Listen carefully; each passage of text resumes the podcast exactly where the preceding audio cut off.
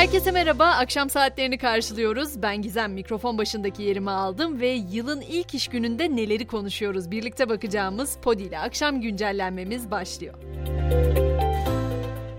Daha yılın ikinci gününden 2023'e yönelik uyarılar gelmeye başladı. IMF Başkanı Georgieva, dünya ekonomisinin büyük kısmı için 2023'ün daha zorlu bir yıl olacağı uyarısı yaptı. Bu yıl ülkelerin üçte birinde resesyon yaşanacağını belirten Georgieva, buna neden olaraksa ABD, Avrupa Birliği ve Çin'deki ekonominin yavaşlamasını gösterdi. İçerideki duruma baktığımızda ise Türkiye Ziraat Odaları Birliği 2022'de fiyatı en çok artan ürünleri listeledi. Geçen yıldan beri takip edilen 42 ürünün hepsinde fiyat artışı yaşandı ama zirvede kuru soğan yer alıyor. %314,6 artan kuru soğanı, %202,8 ile limon, %164,5 ile toz şeker takip ediyor.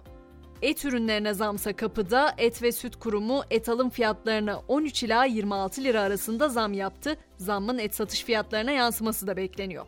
Zamlanacak bir diğer ürünse kahve fiyatları 5 Ocak itibarıyla o ünlü kahve zinciri Starbucks ürünlerine %30 zam geliyor. Küçük boy filtre kahve 32 lira olacak bu zamla birlikte. Bu arada bir de küçük istatistik aktarmak isterim. Türkiye'de Eylül 2022 itibarıyla kahve fiyatlarındaki yıllık artış %111 olurken bu oran Avrupa Birliği'nde %17 olarak gerçekleşti.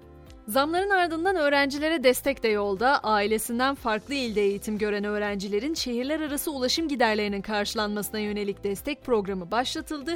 Üst limiti 750 lira olarak belirlenen destekle öğrencilerin yılda iki defa gidiş dönüş ulaşım giderleri karşılanacak.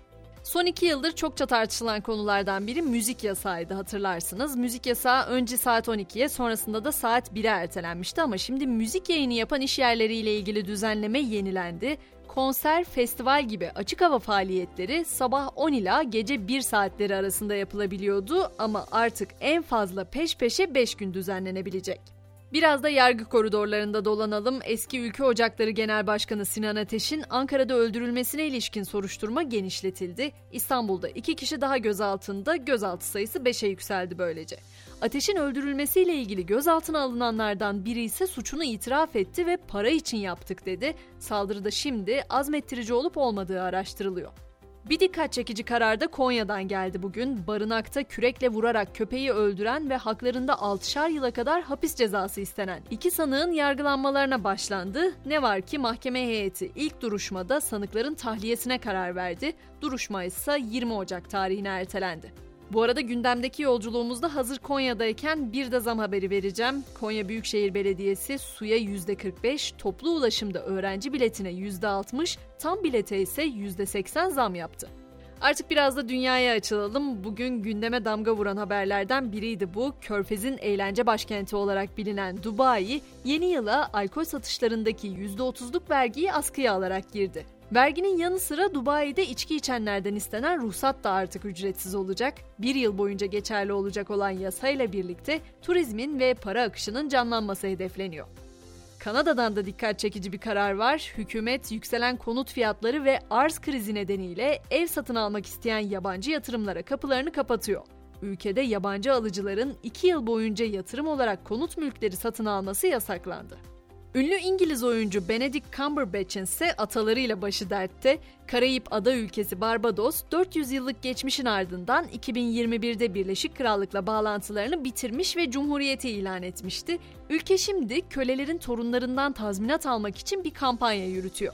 Bu kapsamda ceza alması muhtemel bir isimdi ünlü oyuncu Benedict Cumberbatch çünkü onun ataları 1700'lerde Barbados'ta satın aldıkları şeker tarlasında yaklaşık 250 köle çalıştırmış, ünlü oyuncu da bu nedenle yasal işlemle karşı karşıya kalabilir. Artık spor dünyasına geçelim. Sivas Spor Galatasaray maçının tekrar oynanması için Futbol Federasyonu'na başvuruda bulunduğunu açıkladı. Gerekçe ise 49. dakikada VAR tarafından iptal edilen golün kural hatasına yol açması. Dünyanın konuştuğu isimlerden Ronaldo ise Messi'yi sollamış durumda. Suudi Arabistan ekibi Al Nassr'dan 2,5 sezon için toplam 500 milyon euro alacağı öne sürülen Cristiano Ronaldo yıllık maaşı en yüksek sporcu olacak. Ronaldo'nun reklam anlaşmalarıyla beraber yılda 214 milyon dolar alacağı konuşuluyor. Ronaldo'nun eski takımı Manchester United'da klasikleşen kulüp takvimini bu sene de yayımladı. Bu takvimde her ayı bir oyuncu temsil etti. Al Nassr'a imza atan Cristiano Ronaldo'nun fotoğrafı ise United takviminin Ocak ayında yer aldı. Bu durum sosyal medyada büyük yankı uyandırdı. Biz de gündemin nabzını tutmuş ve burada noktalamış olalım. Yarın sabah 7 itibariyle ben yine burada olacağım. Sizleri de bekliyorum elbette. Görüşünceye kadar herkese mutlu akşamlar.